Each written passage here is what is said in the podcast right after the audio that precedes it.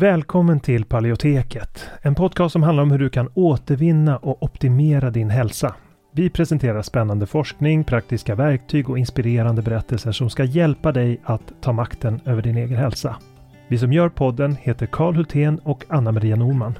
En bristande maghälsa kan ge symptom i helt andra delar av kroppen.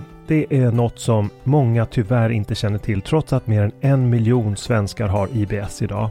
Alltså problem med magen. Och tyvärr är magproblem i de flesta fall inkörsporten till annan ohälsa. Det kan vara inflammation, diffusa symptom, allergier eller autoimmun sjukdom. Och för att möta den här trenden av växande behov så har vi utvecklat kursen Maghälsa på djupet. Där vi går på djupet med att vända dålig maghälsa som SIBO och IBS. Och det här är viktiga delar av kursen som vi talar om och den senaste forskningen på de områdena. Och vi djupdyker i vad forskningen säger om de senaste naturliga terapiformerna, kostmetoder, kosttillskott, probiotika och så vidare. Och kursen den kickar igång fredagen den 3 maj och har fyra olika faser och tre frågestunder live. Och dessutom har vi olika resurser och guider att ladda ner från kursplattformen. Så du kommer få lära dig allt om hur du kan använda kosten som en väg till läkning, när, var och hur, hur du kan använda olika kosttillskott och probiotika. Och om du redan är medlem i Hälsodetektiverna så får du som vanligt en rabatt på allt vi gör, så även den här kursen. Och den här kursen tror vi är en perfekt väg för dig mot en bättre maghälsa där du inte bara får lära dig ett metodiskt tillvägagångssätt för att minska dina symptom utan också förstå de underliggande orsakerna. För att läsa mer om kursen och anmäla dig till den går in på paleoteket.se och klickar på utbildning. Eller klicka dig vidare från länkarna i podcastbeskrivningen. Så varmt välkommen till Maghälsa på djupet. Vi ses där när kursen startar, den 3 maj. Innan vi kör igång med dagens tema vill jag påminna om att den här podcasten har ett utbildande syfte och inte utgör medicinsk rådgivning. Nu kör vi!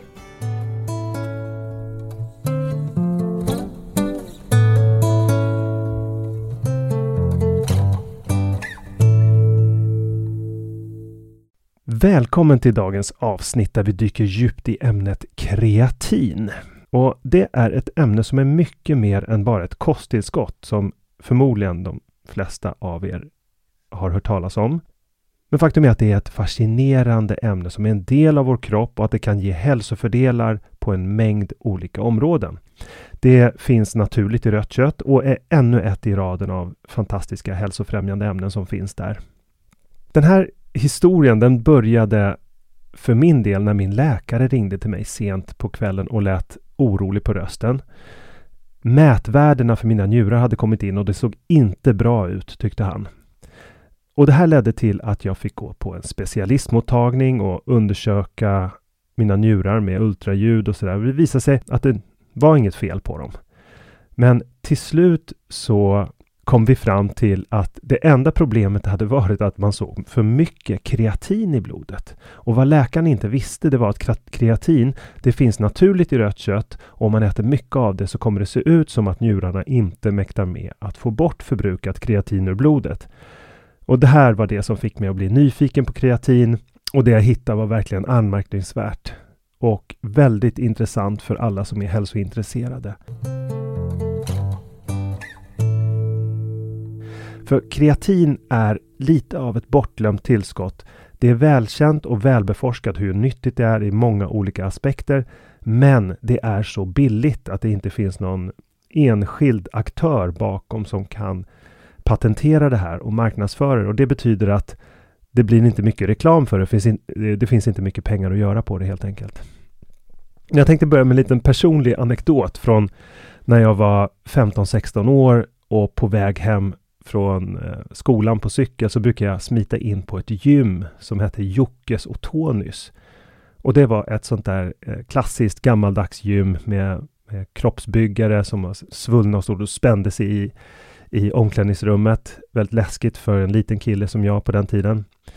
Och eh, det var faktiskt där som jag för första gången stiftade bekantskap med kreatin. Och det här var på 90-talet.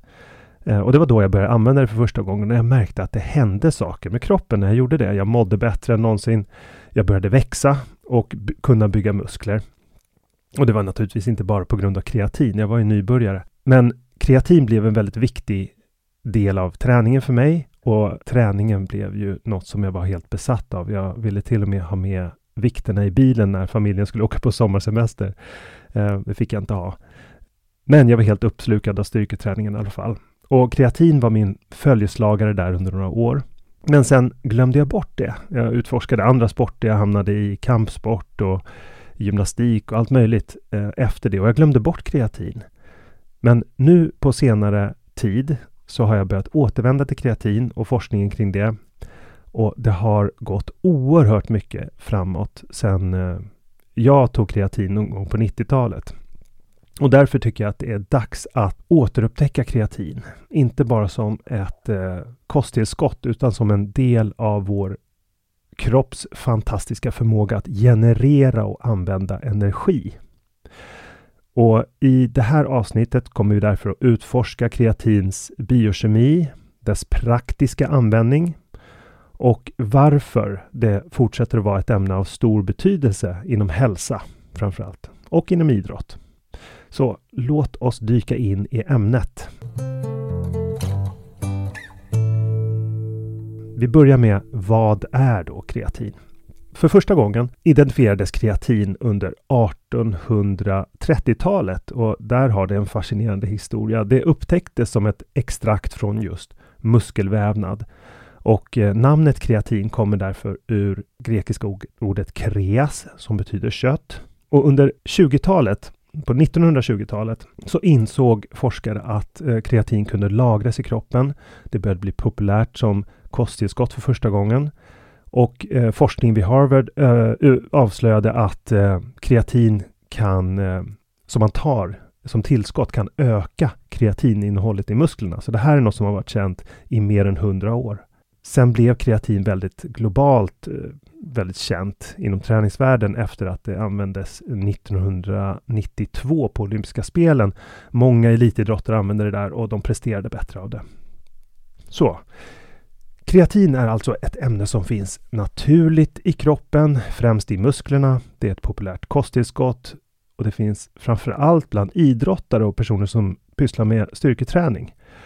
Och vad kreatin gör i grunden, det är att det går in i energisystemen. Det hjälper kroppen att producera ATP som är den viktiga energikällan för alla typer av muskelsammandragningar och cellulära processer i kroppen.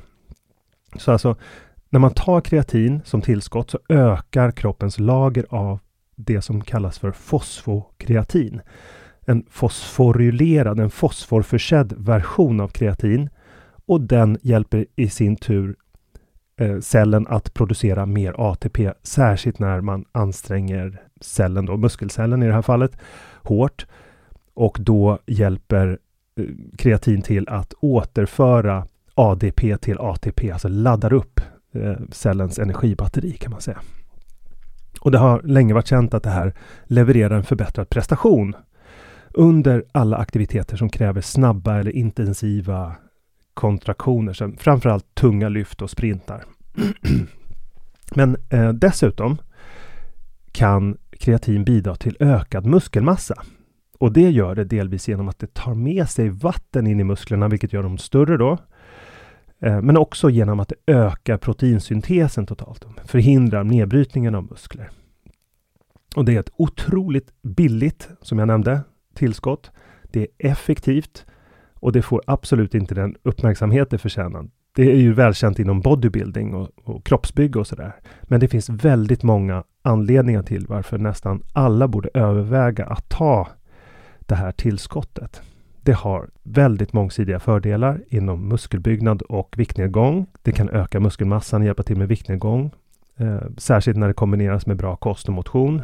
Det kan eh, ge starkare ben kan förbättra bentätheten, särskilt hos kvinnor efter menopaus. Det kan skydda nervceller och ryggmärgen, och, eh, både i ryggmärgen och hjärnan. Eh, det kan användas för att behandla mild depression och skydda hjärnan från inflammation. Det har till och med antiinflammatoriska egenskaper. Det kan vara jämförbart med NSAID-preparat, alltså vanliga huvudvärkstabletter.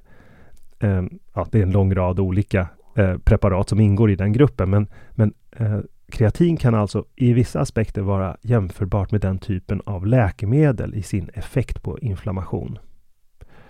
Dessutom kan kreatin påverka immunförsvaret, det medfödda immunförsvaret och vara en komplementbehandling vid vissa autoimmuna sjukdomar. Därför att det är så effektivt antiinflammatoriskt. Och det har testats mycket i, i samband med hudhälsa och så, ska vi också komma in på. Så de här områdena är områden som vi kommer beröra i det här avsnittet och vi ska gå igenom lite mer om varje område och ytterligare några. Eh, för att utforska lite hur man kan använda kreatin i olika skeden av livet och när det kan vara som värdefullast. Så till att börja med så är kreatintillskott några av de mest välstuderade och effektiva prestationshöjande tillskotten som finns för idrottare. Och eh, biverkningarna är i princip obefintliga. Det har att göra mest med påverkan på magen, att man kan bli risig i magen om man tar för mycket av det. Men vad det gör då, som vi varit inne på, att det påverkar energisystemen och det innebär att man får en förbättrad både anaerob, alltså utan syre, energikapacitet eh, och aerob. Men det är mest anaerob vi fokuserar på eftersom den är, det är det intensiva. Det är där man ser störst skillnad. Och eh, det minskar också proteinnedbrytningen, vilket gör att man får större muskelmassa och bättre fysisk prestation av det. På senare år så har forskare börjat undersöka mer och mer av kreatinets potentiella terapeutiska roll. Eh, och det här var föremål för studier i en stor genomgång av forskningsbilden och en metaanalys som gjordes 2022. Och där fann man väldigt imponerande resultat och därifrån så har jag grävt vidare på flera olika håll för att sätta samman den här poddsändningen. Och man har undersökt hälsorelaterade tillstånd med, där man använt kreatin vid diabetes, muskelförlust eh, eller sarkopeni, osteoporos, eh, rehabilitering efter skador, kognition i samband med åldrande och, eh, och olika typer av eh, aspekter kopplat till hjärnhälsa, bland annat. Och eh, framför allt så tycker jag forskningen sätter ljuset på en möjlig väg att motverka konsekvenser av naturligt åldrande eftersom kreatin kan upprätthålla rörelseförmåga och mental kapacitet när vi blir äldre. Och det är någonting som jag tycker är helt bortglömt i det här sammanhanget. Att äldre personer blir bortglömda både när det gäller kostråd och kosttillskottsråd. Och kreatin är ett sådant tillskott som parallellt med några andra råd kan vara helt avgörande för att behålla en hög funktion långt upp i åldrarna. Eh, för att det är också som att de kroniska sjukdomarna som vi drabbas av, nästan samtliga stora kroniska tillstånd som vi drabbas av när vi blir äldre, är saker som kan åtgärdas och motverkas med hjälp av kreatin och i viss mån också uh, andra former av protein. Så, vi ska börja tala lite om hur kreatin uh, ger den här energiboosten. Kroppen bildar då kreatin av två aminosyror som heter arginin och glycin. Och det gör den med hjälp av ett par olika enzymer. Eh, så kroppen kan själv bilda kreatin alltså. Och sen innehåller också kosten kreatin som musklerna effektivt tar upp från blodet när du äter kreatin. Sen finns det i njuren, eh, bukspottkörteln och levern och vissa delar av hjärnan så kan kreatin bildas fullt ut. Alltså från scratch, från de här aminosyrorna. Men i de flesta celler så behövs det hjälp med det sista steget av bildning eh, från levern. Och ungefär hälften av det dagliga behovet av kreatin kan kroppen själv bilda. Medan resten behöver komma från kosten och det finns som jag sagt i rött kött eller fisk eller kosttillskott. Alltså, det finns inte tillräckligt med kreatin i kosten utan en del behöver bildas. Och det betyder att en vegetarisk eller en vegansk kost ger för lite kreatin, vilket är ett av skälen till att veganer då till exempel har försämrad läkning, svagare benstomme, till och med nedsatt kognitiv förmåga kopplat till kreatinbrist. Och det här går att åtgärda genom att ta eh, kreatin som tillskott. Det höjer den kognitiva prestationsförmågan framförallt hos vegetarianer och veganer. En annan sak som man också kan åtgärda är många fall av eh, lindrig depression som också är vanligt vid vegansk kost. Och det här visar att vi behöver vissa beståndsdelar av, av kosten för att komplettera vår metabolism. Vi kan inte bilda allting själv, inte i det här fallet. Sen är det så att kroppen lagrar kreatin och hela det lagret finns nästan uteslutande i musklerna. Till 95 procent så lagras det i musklerna. Och den återstående mängden finns i andra vävnader. Det finns i hjärtat, hjärnan och testiklarna till exempel. Och av det så är två tredjedelar bundet med fosfat, alltså eh, fosfokreatin. Medan resten är, är lagrat som fritt kreatin. Båda de här formerna de samspelar då och hjälper till i eh, kroppens energiproduktion. Så det här är kroppens lager. Men lagren kan se väldigt olika ut från person till person. En person som äter kött och fisk har normalt sett 20 till 30% mer kreatin lagrat i kroppen. Men även om en sån person som är då omnivår har mer så betyder inte det att den personen har en optimal nivå. För vi märker det att prestationsförmåga, minne, läkning och väldigt mycket mer blir bättre om lagret är större. Alltså om, om man kan öka nivån ytterligare utifrån den nivå som är gängse i normalbefolkningen så ser vi en bättre upptag. Och det betyder att man kan visserligen då genom att äta mera av rött kött och mera av fisk och till exempel öka sina nivåer till en viss mängd. Men inte ens det kan fylla på så mycket som ett kosttillskott kan ge. Så ett kosttillskott kan ytterligare förbättra det här läget. Och sen bryts också kreatin ner hela tiden. Ungefär 1-2 procent från musklerna försvinner varje dag med urinen. Och det var det som min läkare mätte i mitt blodprov.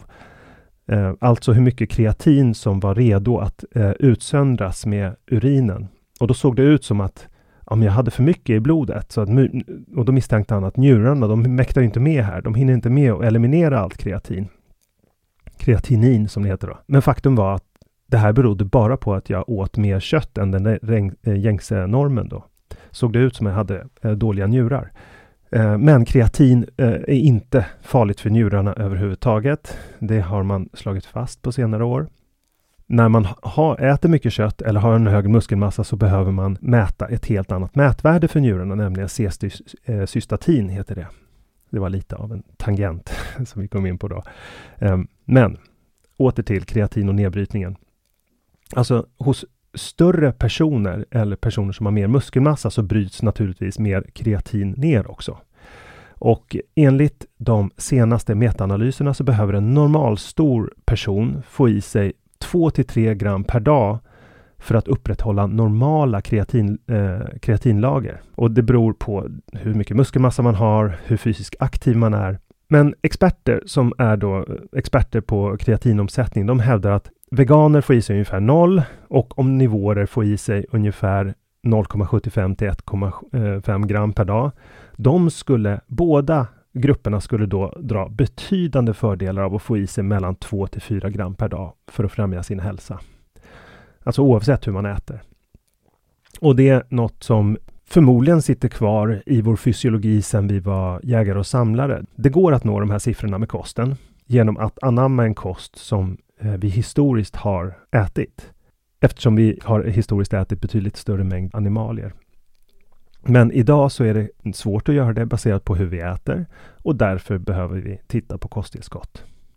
För det mest effektiva sättet att öka sitt intag av eh, kreatin, det är att ta kreatinmonohydrat. Det är den formen som är billig och lättillgänglig. Den är eh, den formen som nästan alltid kreatintillskott eh, har om de inte hävdar att de har någon annan form. Och om man tar en annan form så kommer man bara få betala i onödan för någonting som inte gör någon nytta. Det finns andra former också, men kreatinmonohydrat är det som är det som används i forskningen och det som ger hälsofördelarna. Och det kan man ta dagligen och antingen ladda upp. Man har testat massa olika varianter för att ladda upp. Antingen kan man ta 2 till 3 gram kreatin i 30 dagar och komma upp till ett visst lager, till fulla lager. Men så har du också testat att ta 20 till 30 gram per dag i 5 till 7 dagar för att bygga upp lagren. Då. Och de här stora doserna, det har testats också under lång tid, så det är inte farligt att ta stora doser.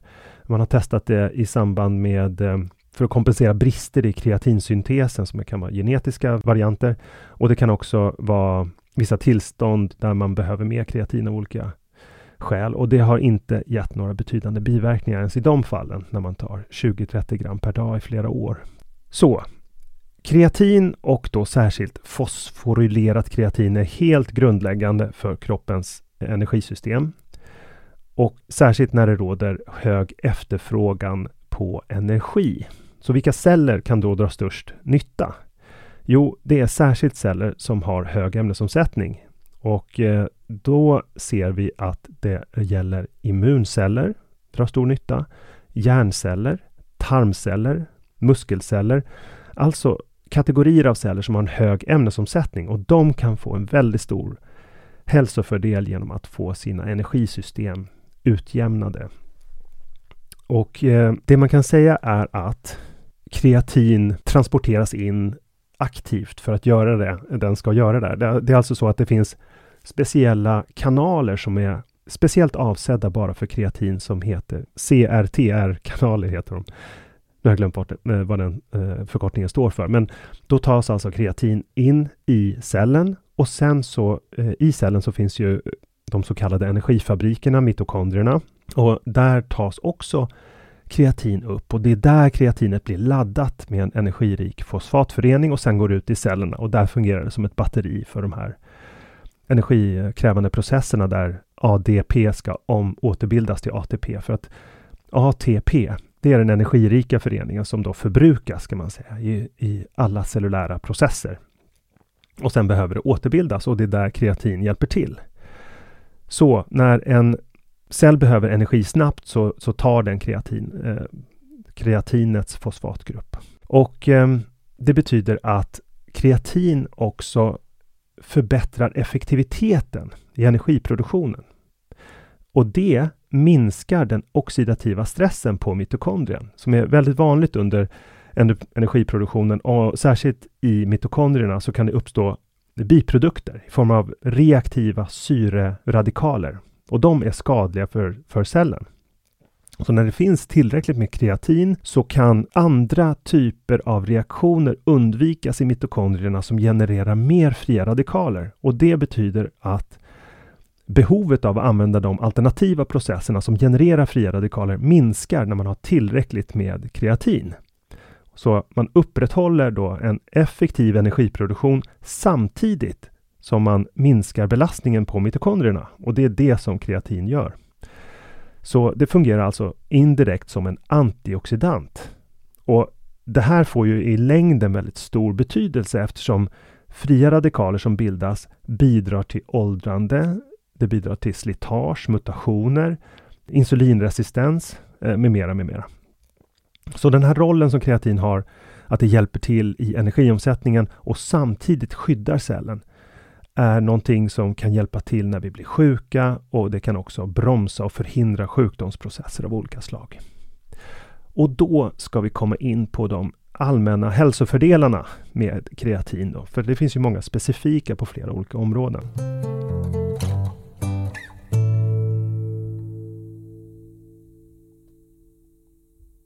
När det gäller högintensiva träningsaktiviteter så är det välkänt att kreatin har varit till stor nytta för väldigt många idrottare under väldigt lång tid. Och prestationsförbättringen brukar sträcka sig mellan typ 10 till 20 procent och finns i alla typer av idrotter. Det finns i, till och med i golf, volleyboll, eh, fotboll, ishockey, löpning, simning och särskilt styrketräning. Det har stora prestationsfördelar när det gäller både unga och gamla, eh, män och kvinnor. Alla får en positiv effekt av det. Och det är internationella organisationer som International Society of Sports Nutrition har erkänt kreatin som det mest effektiva prestationshöjande ämnet som är tillgängligt för idrottare som är då inte dopingklassat. Och att det kan öka den här högintensiva träningskapaciteten och muskelmassan. Och det här är ett synsätt som delas av de flesta ledande organisationer idag inom idrottsmedicin. Och utöver de här prestationshöjande fördelarna så kan det också ge fördelar i form av lägre kolesterol och triglycerider, mindre fettlever. Det kan minska risken för vissa hjärtsjukdomar genom att sänka homocystinnivåerna. Det är antioxidant som vi har sagt. Det förbättrar glykemisk kontroll, alltså kontrollen över blodsockret. Det är också någonting som är oerhört värdefullt vid inflammatoriska sjukdomar eller inflammation. Sen finns det också en potential när det gäller utvecklingen av vissa cancerformer. Det är väldigt anmärkningsvärt också. Och sen att det kan minska benförlust. Det kan förbättra funktionell kapacitet, alltså kapaciteten hos patienter som har reumatism och fibromyalgi till exempel. Det kan ge bättre kognitiv funktion hos äldre och i vissa fall fungera som antidepressiv. Så med tanke på det här så rekommenderas eh, i de flesta studier någonstans runt minst 3 gram kreatin per dag för att stödja sin allmänna hälsa och välbefinnande genom livet då. Och det här kan man få i sig med mat, men det krävs väldigt stora mängder. Eh, normalt sett med mat så kan man få i sig ett, ett och ett halvt gram. Kanske om man äter en karnivorkost kan man komma upp i de här mängderna. Men för de flesta är det inte riktigt praktiskt möjligt utan då är det bättre att sikta på någonstans mellan 3 och 5 med ett billigt tillskott som det kostar nästan ingenting. Så även om det behövs mer forskning på vissa av de här områdena så är det rimligt att anta att kreatintillskottet det ökar förmågan på flera olika områden, det ökar tillgängligheten av cellulär energi och det stödjer den allmänna hälsan, särskilt när vi blir äldre. Och jag var inne på det här med sarkopeni som är ett väldigt allvarligt och eh, angeläget område för, för personer som blir äldre. För när vi blir äldre så minskar vi i muskelkvantitet och styrka och det orsakas av förändringar i, i muskelproteinernas, i deras eh, eh, hur de eh, fungerar och av inflammation och av hormonella faktorer. Och eh, kreatin då, i, särskilt i kombination med lite styrketräning, det har visat sig öka muskelmassan hos äldre. Och när vi gör det så kan vi förebygga de skador som leder till död många gånger. Och särskilt så har studier visat att hos kvinnor efter menopausen så är kreatin oerhört värdefullt. Det har visat sig förbättra muskeluthållighet och funktion. Sen går vi vidare till det här med kognitiv funktion. Det har i studier visat sig att just kreatintillskott hos, eh, för äldre har visat sig öka hjärnans eh, fosfokreatininnehåll och då hjärncellernas energilager kan man säga. Och det förbättrar hjärnans energiomsättning och kan leda till bättre kognition, bättre minne och minskad trötthet när man är äldre. Och i vissa studier så har man till och med sett att eh, det här kan förbättra arbetsminnet och processorhastigheten. Det här har visat även för personer som äter för lite kreatin, som personer som är veganer eller vegetarianer. Det är då man kan se en särskilt stor höjning. Men faktum är att det här tycks påverka den kognitiva funktionen även hos fullt friska.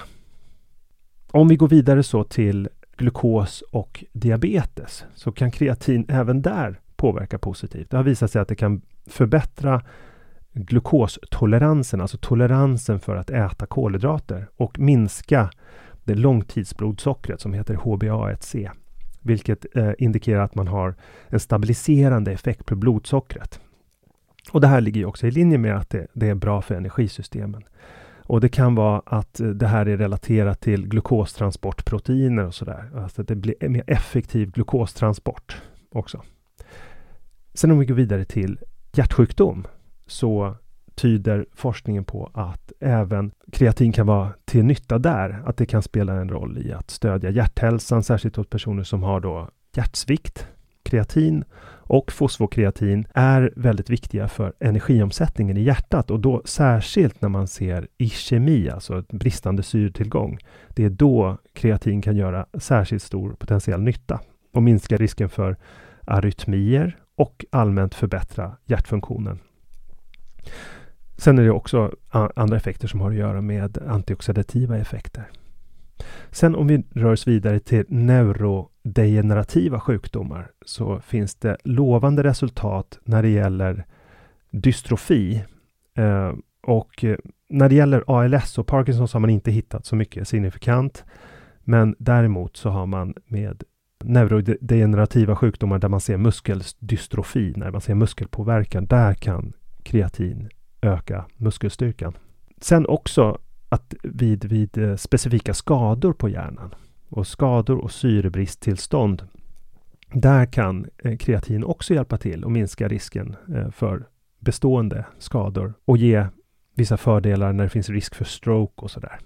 Och vid rehabilitering har vi redan varit inne på. Där ökar det toppstyrkan, syreupptagningen och anaerob tröskel vid, vid flera olika tillstånd, inklusive hjärtsvikt och, och kronisk obstruktiv lungsjukdom och sådär. När man har sämre syreupptagning så har det en viktig roll. Till och med vid graviditet så har man sett att det kan främja normal nervsystemutveckling och minska komplikationer kopplat till syrebrist i samband med födsel.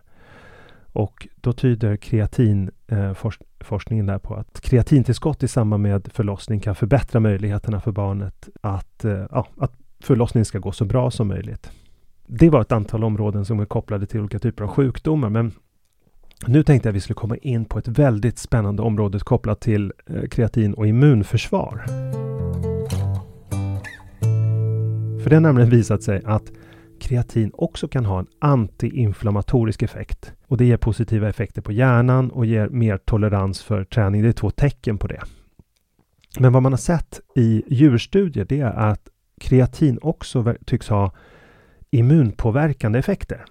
Och det handlar om uttrycket av molekyler som är involverade i att känna igen infektioner. Och det här är någonting som är aktuellt för alla som är drabbade av autoimmuna sjukdomar. Det är något som vi har haft särskilt stort intresse för här av naturliga skäl.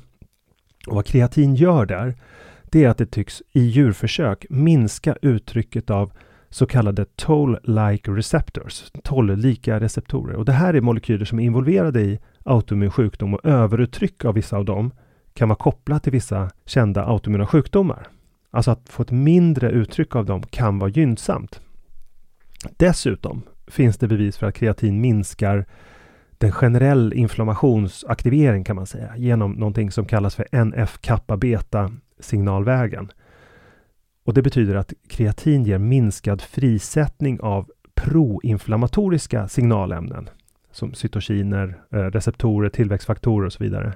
Och att den här minskningen av proinflammatoriska cytokiner och andra inflammationsmarkörer det kan förklara vissa av de här effekterna som är skyddande på hjärnan vid eh, olika typer av sjukdomstillstånd, har det spekulerats då. Men det är en tydlig antiinflammatorisk effekt.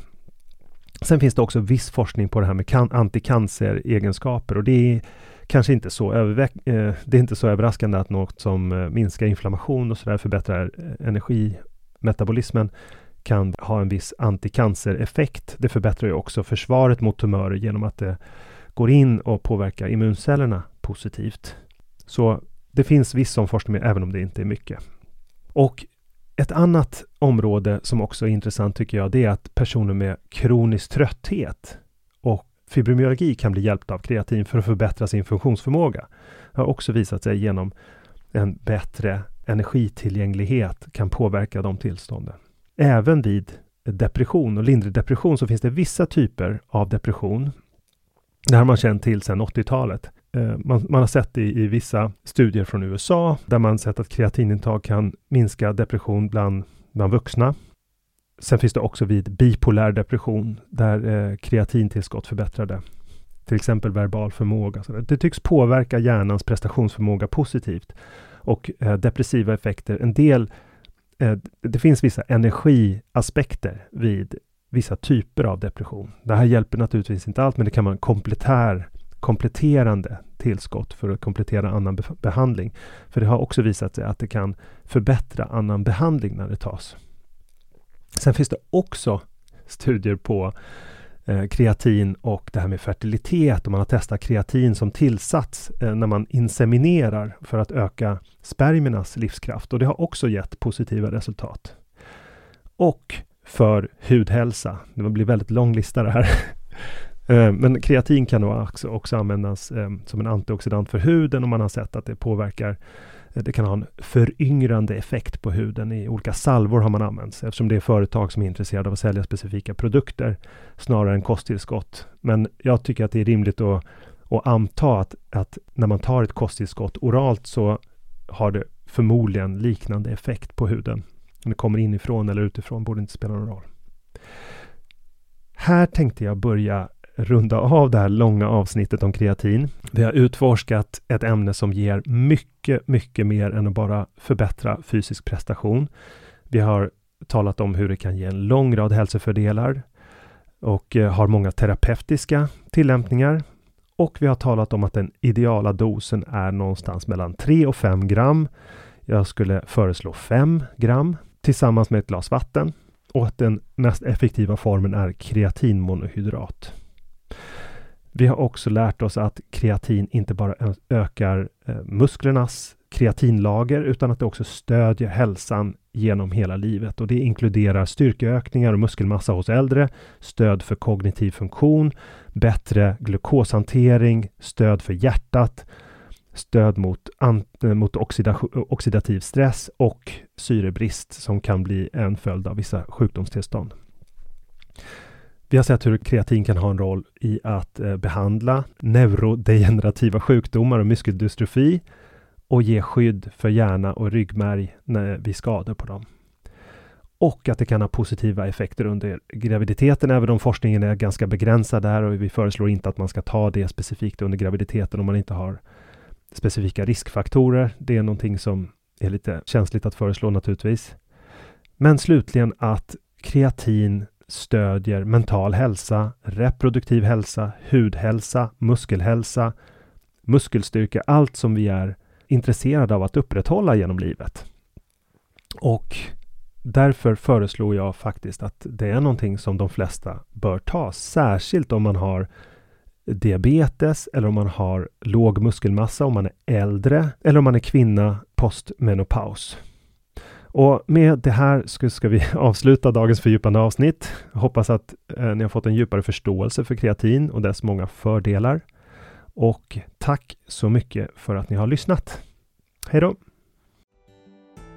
Tack så mycket för att du har lyssnat på det här avsnittet av Paleoteket. Vi hoppas att det har varit till nytta för dig. Om du vill få hjälp att uppnå dina hälsomål står vi redo att hjälpa dig. Vårt medlemskap Hälsodetektiverna är en gemenskap online där du träffar likasinnade, får hälsoinspiration hela året och kan ställa frågor direkt till oss på våra medlemsseminarier. Nu under våren startar också två onlinekurser. AIP Masterclass är kursen för dig som vill lära dig allt du behöver veta om kostupplägget AIP, autoimmunprotokoll, samtidigt som du blir guidad genom en stegvis process med både läkningsfas, utvärdering och återintroduktioner. Sen har vi kursen Maghälsa på djupet som riktar sig till dig med IBS och misstänkt eller konstaterad SIBO. Vi fokuserar helt på vad du kan göra med kost, livsstil och strategiskt utvalda kosttillskott. För dig som föredrar att läsa finns också våra fyra böcker. Besök paleoteket.se för att veta mer och glöm inte att prenumerera på vårt nyhetsbrev. Du hittar länkar i beskrivningen till podcastavsnittet.